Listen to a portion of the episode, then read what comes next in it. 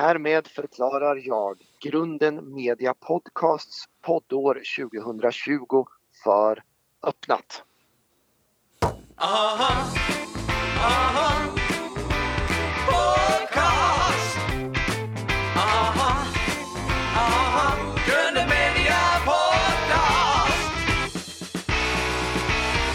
Välkommen till Grunden Media Podcast med mig Carl-Magnus Eriksson. Och med mig Erik Jensen. Och eh, nu är det nytt poddår, Ja. Carl-Magnus. Eh, vi har många spännande gäster framför oss. Ja, Och vi börjar med en av de celebraste. som sitter i talarstolen. Ja, Erik. eh, i plenisalen, Ja, riksdagshuset. Ingen mindre än herr talman. nej. Andreas Norlén, välkommen hit. Tack så mycket, väldigt trevligt att få vara med. Ja. Ja, roligt att ha dig här. Skulle du vilja presentera dig själv för lyssnarna? Jag tror rätt många vet vem du är. Ska Jag är Ja. riksdagens talman. Min uppgift är då förstås att leda riksdagsarbetet eh, och att företräda riksdagen och Sverige i olika sammanhang. Jag blev kanske mest känd i samband med regeringsbildningen hösten 2018 som ju inte tog slut förrän den 21 januari 2019 när jag höll på väldigt mycket och pratade med partiledarna och försökte hitta en statsministerkandidat som riksdagen kunde godta. Just det. Jag tänkte, har du fikat så mycket under ett halvår som du gjorde den hösten?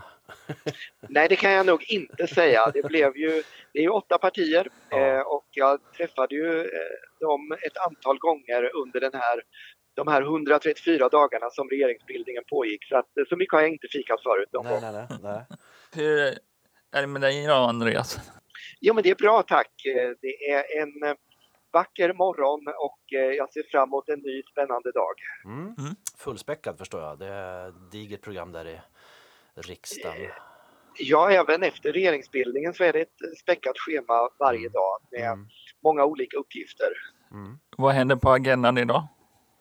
Eh, idag har jag lite olika eh, interna möten. Vi har ett eh, direkt på morgonen här som handlar om att planera ungdomens riksdag som äger rum i februari eh, och eh, som där då 349 gymnasieelever kommer till riksdagen och Oj. deltar i en Ja, vi kallar det för ungdomens riksdag där man får lära sig Mm. hur riksdagen fungerar och deras klasser har varit inblandade i olika förberedelser. Och så ska jag Mm. hålla tal på en ceremoni för att högtidlighålla Förintelsens minnesdag Mm. som äger Mm. rum Mm. om några dagar. Men Mm. vi markerar den idag i riksdagen av praktiska skäl. Mm. Ja. Just det. Mm. Ja, jag såg att eh, Stefan Löfven eh, var på nyheterna nu och gjorde, Prata om eh, detta. pratade om detta. Mm. Ja, så att eh, Stefan Löfven, kronprinsessan och jag åker till eh, tillsammans med förintelseöverlevare ska åka till Auschwitz på måndag den 27 januari när Mm. själva minnesdagen äger rum för att högtidlighålla att det då är 75 år sedan Auschwitz eh, befriades. Mm. Mm. Jag känner, det känns ju som viktigare än någonsin idag. Ja. Ehm, Verkligen och Mm. eh, vi har ju med oss också här i riksdagen idag flera överlevare eh, från förintelsen och det är viktigt att lyssna på deras berättelser. Mm. Jag vet hon Heidi Frid, är hon med där kanske? Ja, idag? Eh, ja, just det. Det är, hon är ju en av de eh, mest framträdande som har gjort en väldigt viktig insats för att, Mm. att berätta och eh, hålla minnet vid liv. Oh ja. Mm. Hur är kronprinsessan som person och Stefan Löfven som person?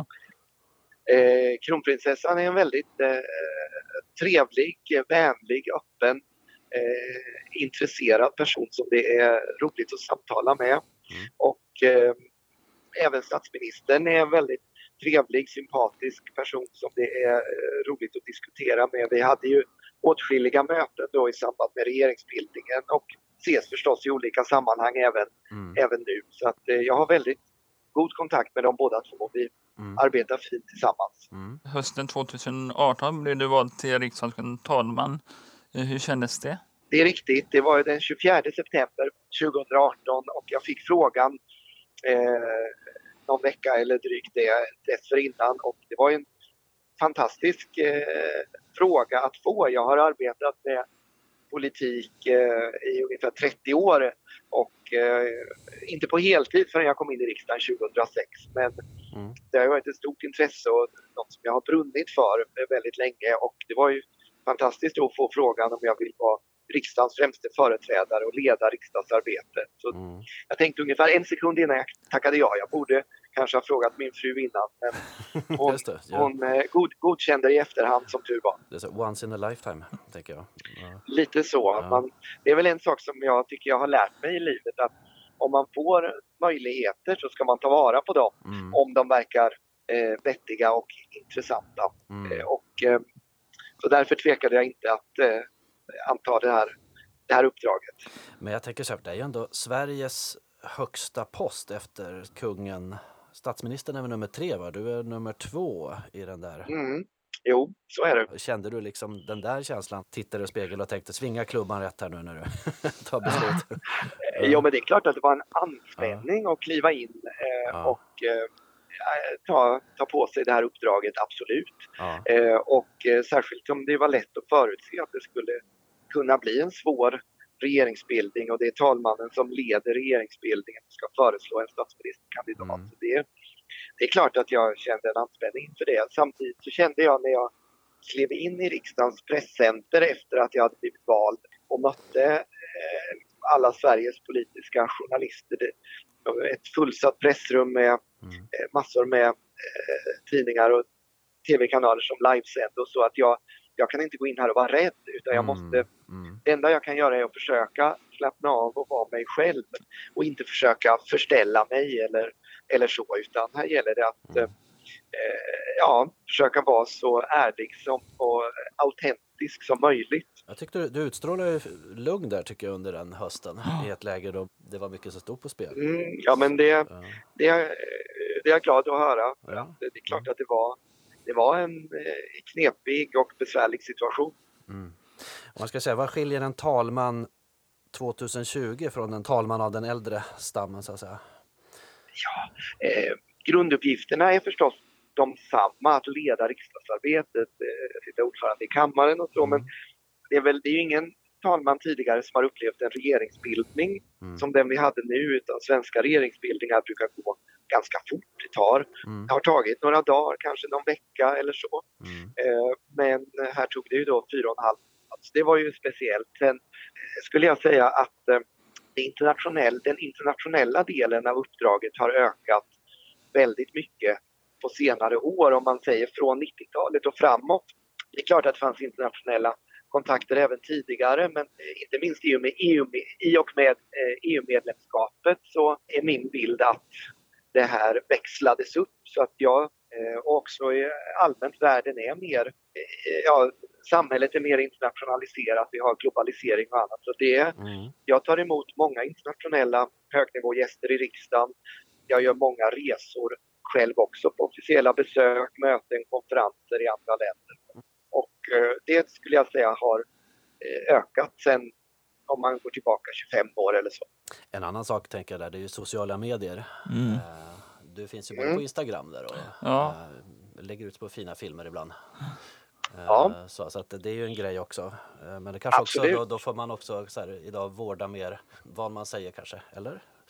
Ja, framförallt så tror jag att det är viktigt att använda Mm. de nya möjligheter som finns för att berätta om vad man gör och kunna svara på frågor. Så att, som på Instagram där jag heter talman.andreas.norlén så försöker vi att ha en liten rapportering så att säga bakom kulisserna som du säger med lite filmer inifrån Mm. riksdagshuset och Mm. att berätta om sånt som kanske inte syns i den vanliga nyhetsrapporteringen från Mm. riksdagen. På Twitter så finns jag också med och berättar om en del av det vi gör. Mm. Och eh, det är väl samma sak som med poddar till exempel. Det fanns ju inte för ett antal år sedan. Och Nej, då gäller det ju att använda det och berätta och eh, försöka eh, kanske berätta mer än vad som var möjligt tidigare när det bara var tidningar, radio och tv som gällde. ja men precis. Det försöker vi väl här. Vi försöker Ja. hitta de här vinklarna kanske som blir lite spännande. Mm. Ly- Lyssnar du själv på poddar och radio när du flyger eller musik? Eh, mindre än vad jag egentligen skulle vilja. För jag har ofta så mycket att läsa in eller jobba med för att förbereda ja, kommande möten och andra åtaganden. Så att jag hinner tyvärr inte riktigt. Men Mm. Mm. jag vet ju att det finns ett stort utbud av väldigt spännande både poddar och andra sändningar som är inspelade. Så att, Mm. eh, jag skulle vilja hinna mer. Ja, får vi rekommendera Grunden Media Podcast här nu i riksdagen? Ja. Och Eh, klubb, absolut, klubba det- igenom obligatorisk lyssning. Mm, jag vet i alla Ja. fall en intervju som kommer att bli väldigt spännande. Ja, Ja. ja. visst. Ja, ja. Får sända den så här direkt ut i högtalaren i plenisalen. Precis. Ja. Vad ville du bli som barn eh, politiker? Ja, när jag var, om man går tillbaka till typ lågstadieåldern eller så, så vet jag att jag pratade om att bli cirkusdirektör. Oh, Eh, det är du på eh, sätt och- vis kan man säga. ja, precis. Jag skulle inte våga göra det i jämförelse själv, men jag Ja. förstår vad du menar. Ja. Eh, sen när jag blev lite äldre så var jag intresserad av både journalist och jurist. Jag vet Mm. att jag pratade om juridik eh, redan på högstadiet och eh, det blev ju också den banan som jag valde sen för jag läste juridik Mm. och, och är jurist och skrev eh, doktorsavhandling i juridik och så. Avtalsrätt har jag för mig va? Ja, stämmer. Mm. Eh, Den handlar om, eh, den heter oskälighet och 36 paragrafen avtalslagen. Mhm, mm. Frågan är då, Mm. eh, när får man jämka ett avtal för att det är oskäligt? Mm. Och det eh, skrev jag en bok om. Mm. Hur kom du in på politikerbanan sen då? Jag gick med i eh, Moderata ungdomsförbundet redan på högstadiet i Ödeshög i sydvästra Östergötland där vi bodde då. Mm. Så jag har väldigt länge varit intresserad av samhällsfrågor, historia, politik. Eh, min mamma var aktiv lokalt i politik i Ödeshög och eh, så vi pratade ju om politik hemma. Jag antar att det bidrog till att jag kom in på den här banan. Sen tyckte jag att det var viktigt att ta ett steg tillbaka och fundera på vad jag själv tyckte Mm. och hade för värderingar så att jag inte bara automatiskt följde efter henne utan, och det tror jag också att jag, jag gjorde där, men valde då att engagera mig på högstadiet. Hur mycket veckotid sitter du i plenisalen och hur mycket tid jobbar du med annat? Man kan säga att talmansrollen har tre huvuddelar. Det ena är att leda riksdagsarbetet och då det som tar mest tid är helt enkelt i kammaren. Eh, Men det handlar också om att planera sammanträden, ärendeplaner, talarlistor och sånt. Debattregler som jag pratar med partigruppledarna om. Så. Den andra delen är att jag är ordförande i riksdagsstyrelsen som är myndighetsstyrelse för riksdagsförvaltningen, alltså de 670 anställda i riksdagen som sköter och ser till att riksdagsmaskineriet fungerar varje dag. Och då jobbar jag ju med interna frågor om organisation, projekt, verksamheter. Och det tredje är representation, alltså att företräda riksdagen i Sverige, i Sverige inom riket och utomlands. Mm. Eh, Och man kan säga, om man tittar över tid, så är det ungefär en tredjedel av min arbetstid som går åt till var och en av de uppgifterna. Mm.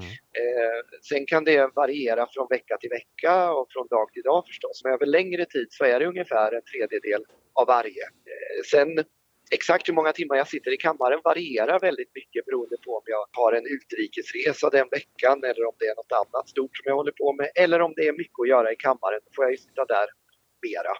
Men jag och de vice talmännen turas om att sitta i kammaren. Vi sitter två timmar i taget. Ja, just det. Ni varvar det. Ja. Ja.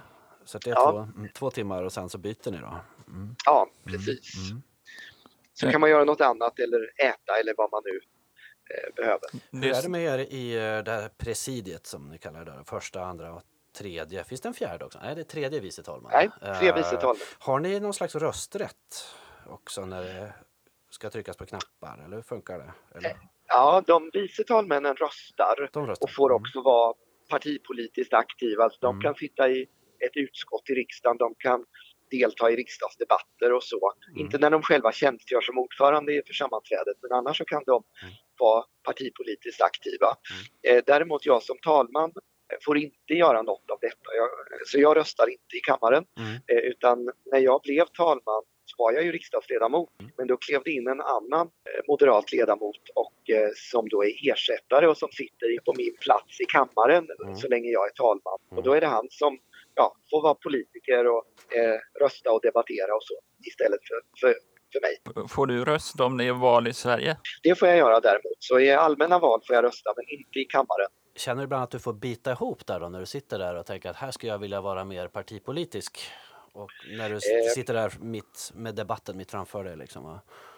Jag har inte hunnit sakna det här vanliga Nej. partipolitiska eh, så mycket för det har varit, först var det regeringsbildningen Mm. som var otroligt intensiv och sen har det rullat på med många andra intressanta uppgifter så jag har inte riktigt hunnit Mm. sakna eh, faktiskt det vanliga partipolitiska debatterandet. Mm. Men det är klart att jag har åsikter fortfarande. Men eh, jag, jag tycker att eh, jag har så mycket annat att ägna mig åt så att det, det är inget problem. Vad tycker du om att de säger att det ska bli nyval eh, direkt när de öppnar riksdagen? Ja, det där är ju en del av den så att säga partipolitiska debatten, vad olika partier säger som nu i partiledardebatten här för, för någon, en en halv, två veckor sedan. Eh, eller vad det var. Och, Mm. Så det ska inte jag riktigt gå in och kommentera Nej. just eftersom jag ska vara partipolitiskt neutral. Däremot i samband med regeringsbildningen då 2018 så sa jag ju tydligt att jag inte tyckte att det vore bra om det blev nyval Mm. då direkt efter det vanliga valet. Mm. Så att säga Mm. att jag, jag tyckte att det var viktigt att visa svenska folket att det gick att bilda någon regering eh, på grundval av det valresultat som, som folket hade gett oss. Att det hade varit konstigt att säga att det där, nej det här går inte, ert, det var inte bra det här som ni röstade fram, kan ni inte försöka en gång till och se om det ger oss en bättre riksdag. Det tror jag hade varit en väldigt negativ signal. Det är skillnad när man sedan har kommit in i mandatperioden, då blir det ju en annan fråga. Men det, det är partierna som bedömer hur de vill agera. Jag tänker det här är första gången på ett bra tag, eh, kan jag inte historiken här, men eh, där vi har en talman från ett block och en statsminister från ett annat block. Eh, Mm. påverkar det liksom de här? Eh, nej, eh, utan jag, jag sa eh, samma dag som jag blev vald att jag ska vara min ambition är att vara hela riksdagens talman och, att, Mm. eh, och då måste man förstås släppa det partipolitiska och man måste också agera på ett sådant sätt att, att ingen kan misstänka att man försöker gynna eh, ett parti på bekostnad av något annat parti och så. Det har jag försökt leva upp till Mm. sedan dess. Mm. Eh, så jag tycker att det här eh, dagliga, de dagliga kontakterna eller liksom de återkommande kontakterna med regeringen på olika sätt fungerar bra. Mm. Eh, när det handlar om planeringsfrågor och eh, ja, när vi kanske deltar gemensamt i olika evenemang som nu resan till Auschwitz och så. Det, Mm. det är inga problem alls. Eh, och sen eh, får ju då partipolitiken skötas av partiledarna och riksdagsledamöterna i riksdagen. Mm. Mm. Men den här dagliga kontakten med regeringen funkar alldeles utmärkt. Mm. Men det är riktigt, det är första gången sedan eh, 1982 som vi har en talman eh, och, eh, från ett block och statsministern från ett annat block. Det har varit lite olika praxis genom åren där va?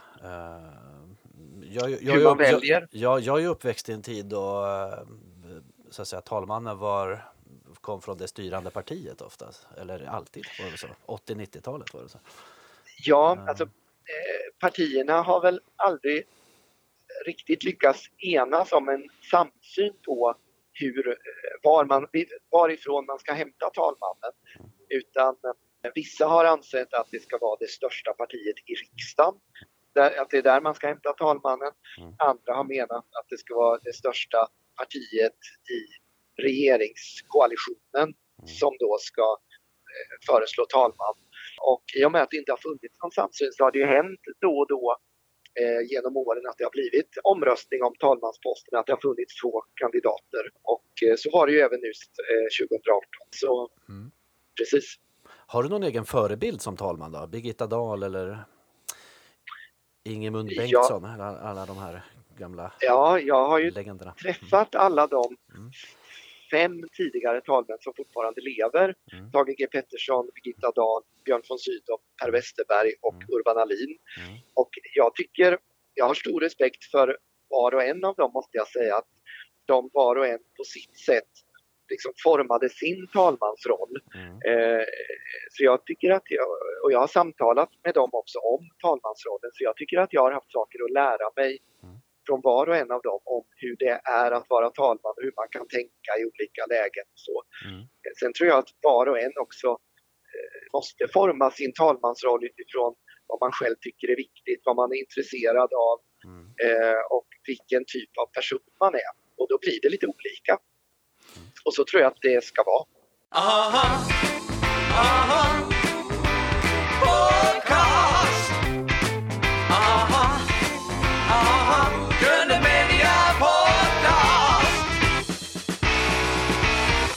Du har ju träffat kungaparet ibland. Hur är de som personer? Det stämmer. Jag, framförallt har jag träffat kungen många gånger. Jag, eh, informerade honom löpande under regeringsbildningen så då träffades vi sju gånger under den tiden och talades även vid i telefon och sen har jag också träffat honom återkommande vid andra tillfällen och, och förstås även drottningen. Mm. Eh, och jag måste säga att de är båda väldigt trevliga, Mm. Eh, intresserade personer som det är lätt att samtala med och som är genuint eh, bryr sig om vad som händer i riksdagen, är intresserade av riksdagen och, eh, eh, och de är också intresserade av Sverige, samhällsfrågor och så. Så vi har, Mm. vi har alltid mycket att tala om när vi ses. Lägger ni bort titlarna då nu när ni lärt, lärt känna varandra lite så eller blir det herr talman och jag ers majestät? Och, Ja, nej, vi, när det gäller eh, kungaparet så, så håller vi på formerna. Mm. Eh, Så att då använder man titlar. Hur är det med liksom det här herr talman? Det är inte någon praxis? Jag menar i riksdagsarbetet men Ja, alltså vi, vi är ju ganska informella i riksdagen Mm. så att eh, i, utanför kammaren så eh, säger vi du till varandra. Eh, I kammaren så är det ju, har vi ju det här formella tilltalet med herr talman eller Mm. fru talman. Men, Ja, men i. Mm. utanför så brukar vi vara ganska informella. Har du livvakter? Ja, det har jag. Mm. Det har jag. De, eh, det är ju, eh, tyvärr är ju tiderna sådana att, Mm. att det bedöms vara nödvändigt. Mm. Mm. Eh, Är det jobbigt eller är det... Det är klart att det är en, en lite speciell sak. Samtidigt så är de väldigt smidiga och professionella och eh, så jag tycker att det har fungerat eh, väldigt bra faktiskt. Jag tycker inte att det är så påfrestande som man kanske skulle kunna tro. Men utan det, eh, jag tycker det funkar smidigt. De, de gör ett väldigt bra jobb. För ett år sedan hade du en mängd samtal med partiledarna. Vem var trevligast att fika med? Ja, eh, det är en väldigt bra fråga.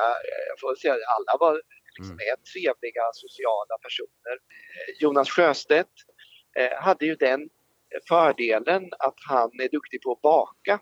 Jaha, Eh, så vid ja, ett av just de här tillfällena så hade han gått upp tidigt på morgonen och bakat bullar och hade med sig egna hembakade bullar till vårt möte. Oj. Ja.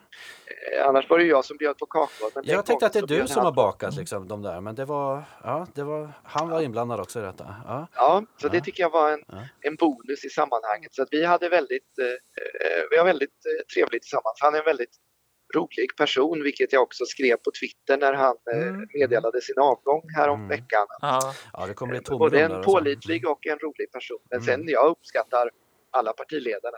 Det är trevliga, seriösa och bitvis också roliga personer.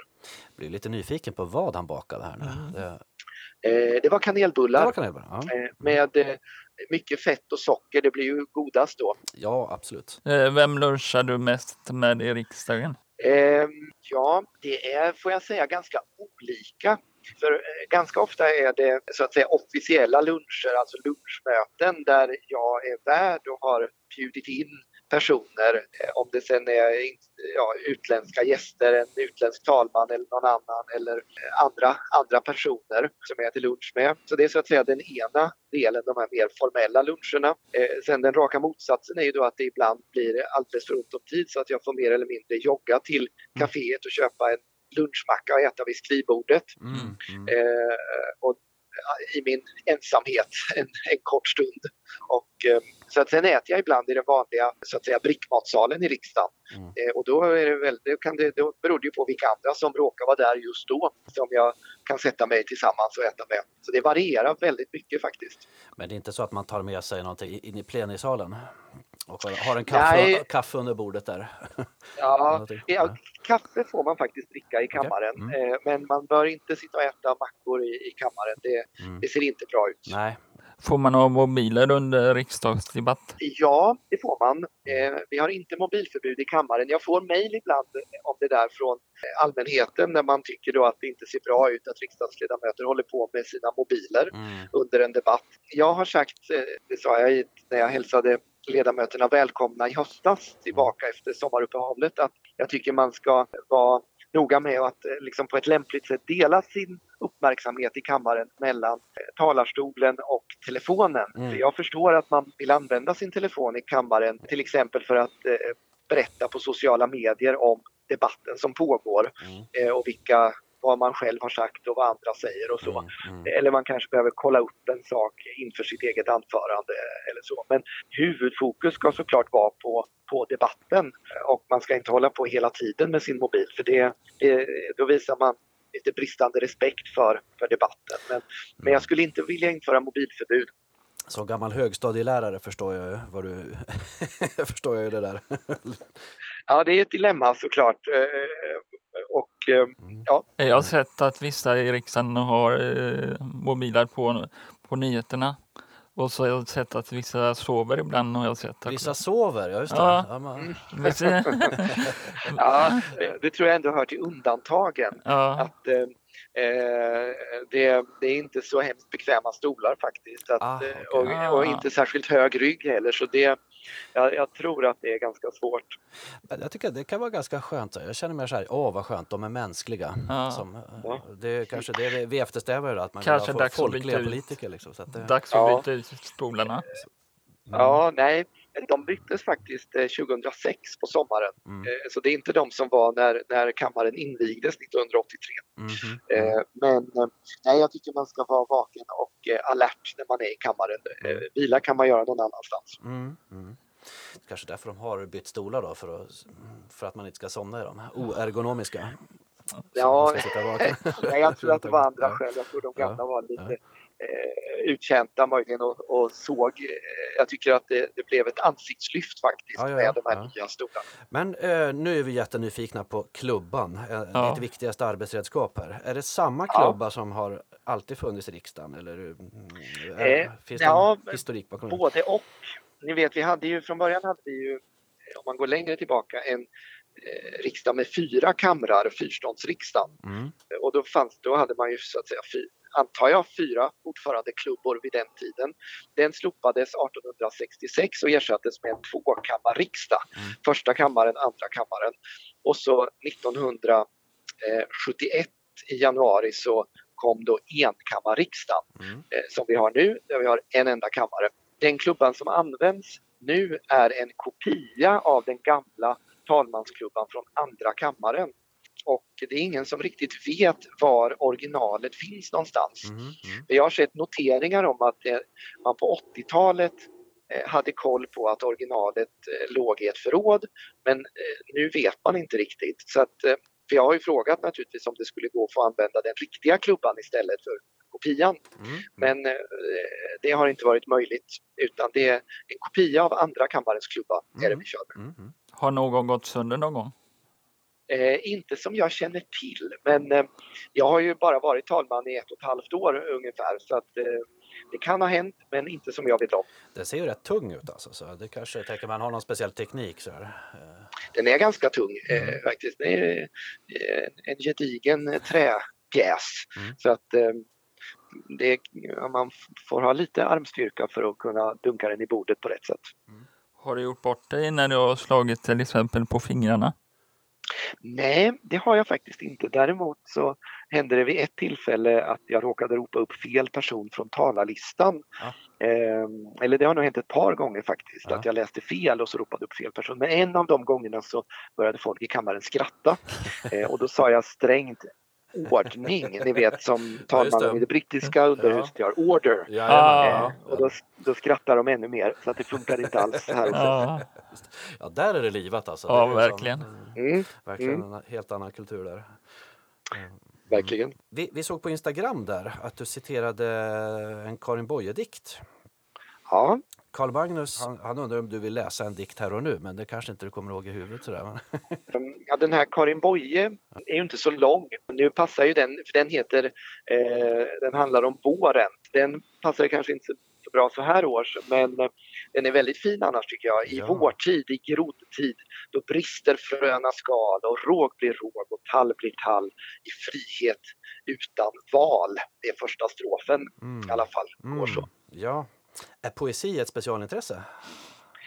jag tycker om poesi. Jag tycker att eh, det finns eh, många dikter som fångar stämningar eller Mm. värderingar på ett sätt som tilltalar mig. Så jag tycker om den Mm. formen. Mm. Så jag har ju Mm. läst eller använt poesi i lite olika sammanhang. Eh, När jag var i Finland på Mhm. officiellt besök så Mm. läste jag en dikt av Johan Ludvig Runeberg, Finlands nationalskald Ja, just det. Mm. Till exempel. Så att jag tycker det, eh, det, är, det är fint. Jag uppskattar poesi.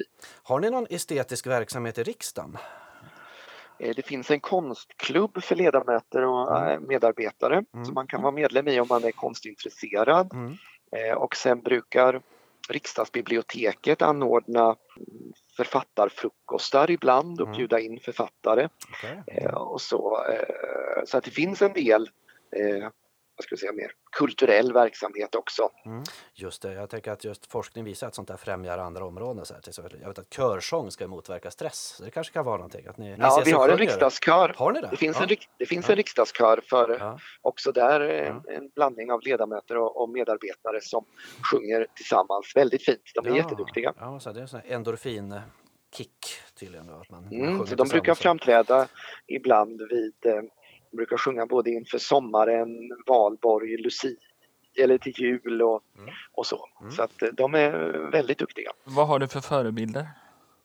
det finns ju eh, många som har gjort fantastiska saker genom åren i många olika sammanhang. Jag brukar ibland lyfta fram Winston Churchill som jag tycker är en fantastisk, eller var en fantastisk talare. Mm. Jag talar ju mycket i mitt eget uppdrag och vill absolut inte göra några jämförelser med Churchill så att jag skulle vara som han men, men han är i- det avseendet en förebild tycker jag, både Mm. när det gäller att skriva tal och att framföra tal. Mm. Så det är väl ett, ett exempel. Det finns eh, många andra. När blev du senast starstruck då? Ja, eh, det är en bra fråga. Eh, jag, jag träffar ju många olika spännande personer ofta.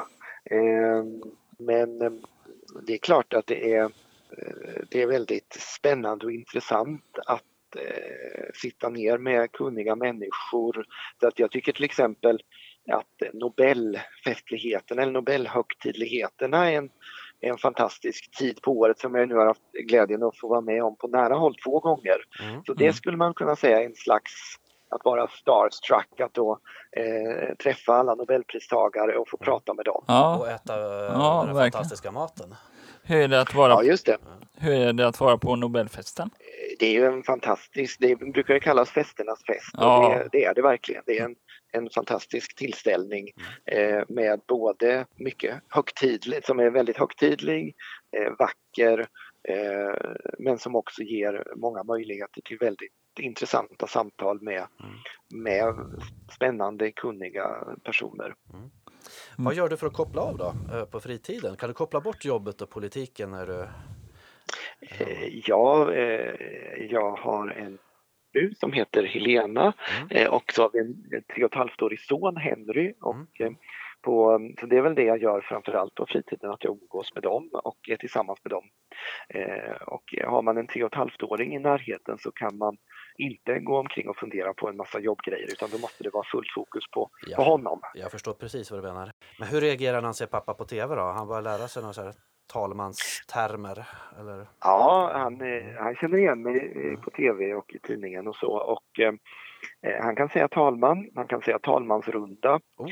Eh, och eh, ja, det, det lärde han sig under regeringsbildningen. Jag brukade säga lite skämtsamt ibland att jag, han kan säga talman men inte talmansrunda för det är för många stavelser. Men så rätt som det var så sa han talmansjunda. Ja, Eh, Liksom med den här blicken då att där fick du gubbe. ja. Eh, och, ehm, så han snappar fort.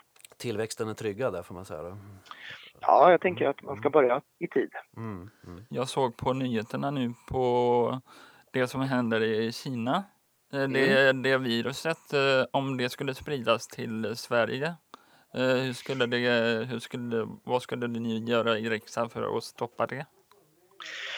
Ja, det är ju i första hand en fråga för, för regeringen som har det yttersta ansvaret för frågor om samhällsskydd och beredskap. Och eh, I första steget så skulle det ju vara eh, myndigheterna, Folkhälsomyndigheten och andra som då skulle eh, bevaka den saken och agera och så ytterst då som sagt var regeringen. Så att det ehm, eh, så skulle väl gången vara när det handlar om ja, samhällshot av, av olika slag. Mm. Och, eh, men vi hoppas ju naturligtvis att man kan Mm. begränsa spridningen, att det inte blir en global epidemi. Det får vi verkligen hoppas. Ja, verkligen. Usch. Vi har alltså någonting som heter Fem snabba som vi tänkte vi skulle få svara på här. Så att här kommer det. Fem snabba med eh, herr talman helt enkelt. Fem snabba. Kaffe eller glass? Glass. Helenas Biff Wellington eller riksdagsmatsalens lunch? Helenas Biff Wellington. Ja, vi tänkte också det. Den såg god ut. Det var det. Stockholm eller Ödeshög? Eh, Ödeshög. Stockholm eller Höga Kusten då får vi säga. Du, är från, du har ju rötter i Nording då. Det har jag också. Så Ja, det stämmer. Ja. Eh, ja, jag får säga Höga Kusten då. Facebook eller Instagram? Eh, Instagram eftersom det är där jag har mitt officiella talmanskonto. Kompromiss eller konfrontation? Kompromiss. Det tänkte jag också. Självklar. Självklart. Om du fick ställa en följdfråga till Sara Sjöström, vad skulle du fråga då? Ja, då ska jag konsultera min fru som är väldigt idrottsintresserad. Mm. Ett ögonblick bara. Ja, Ingen fara. Eh, eh, för Helena, som sagt var, min fru följer eh, inte minst Sara Sjöström eh, och tycker att hon är en fantastisk idrottspersonlighet. Mm. Och hennes fråga är vilken av alla medaljer har betytt mest för dig, Sara Sjöström? vilken av alla medaljer har betytt mest? Den frågan var en jättefin fråga. Den ska vi skicka vidare till Sara. Om eh, du vill ställa någon fråga vidare till någon politiker, vem skulle det vara i så fall? Eh, ja, jag träffar ju dem eh, ofta eh, och har ju chans att fråga dem saker där men eh, jag får väl fråga Jonas Sjöstedt då i så fall eh, eh, vilket hans bästa knep är för att eh, bullarna ska bli riktigt goda när han bakar. ja, så här, hemligt recept. Ja. Ja, men gud, vi får, Mm. Jonas får bjuda in. Ja. Eh, Vi är jätteglada att vi fick Ja. eh, ta en liten pratstund med dig. Ja. Eh, Vi Mm, önskar dig lycka till med eh, dagens, dagens agenda och Tack så våren. mycket! Och, Tack. Lycka till eh, med ert, eh, ert fina arbete. Tack ska du ha. Vi hör av oss när eh, podden ligger ut där så får du gärna lyssna när du har tid. Låter fint. Det ser jag fram emot. Ja, Tack så mycket! Hälsa, Ha det hälsa. Ha det bra. Hej då. Tack. Tack! Hej, hej. hej. Aha, aha,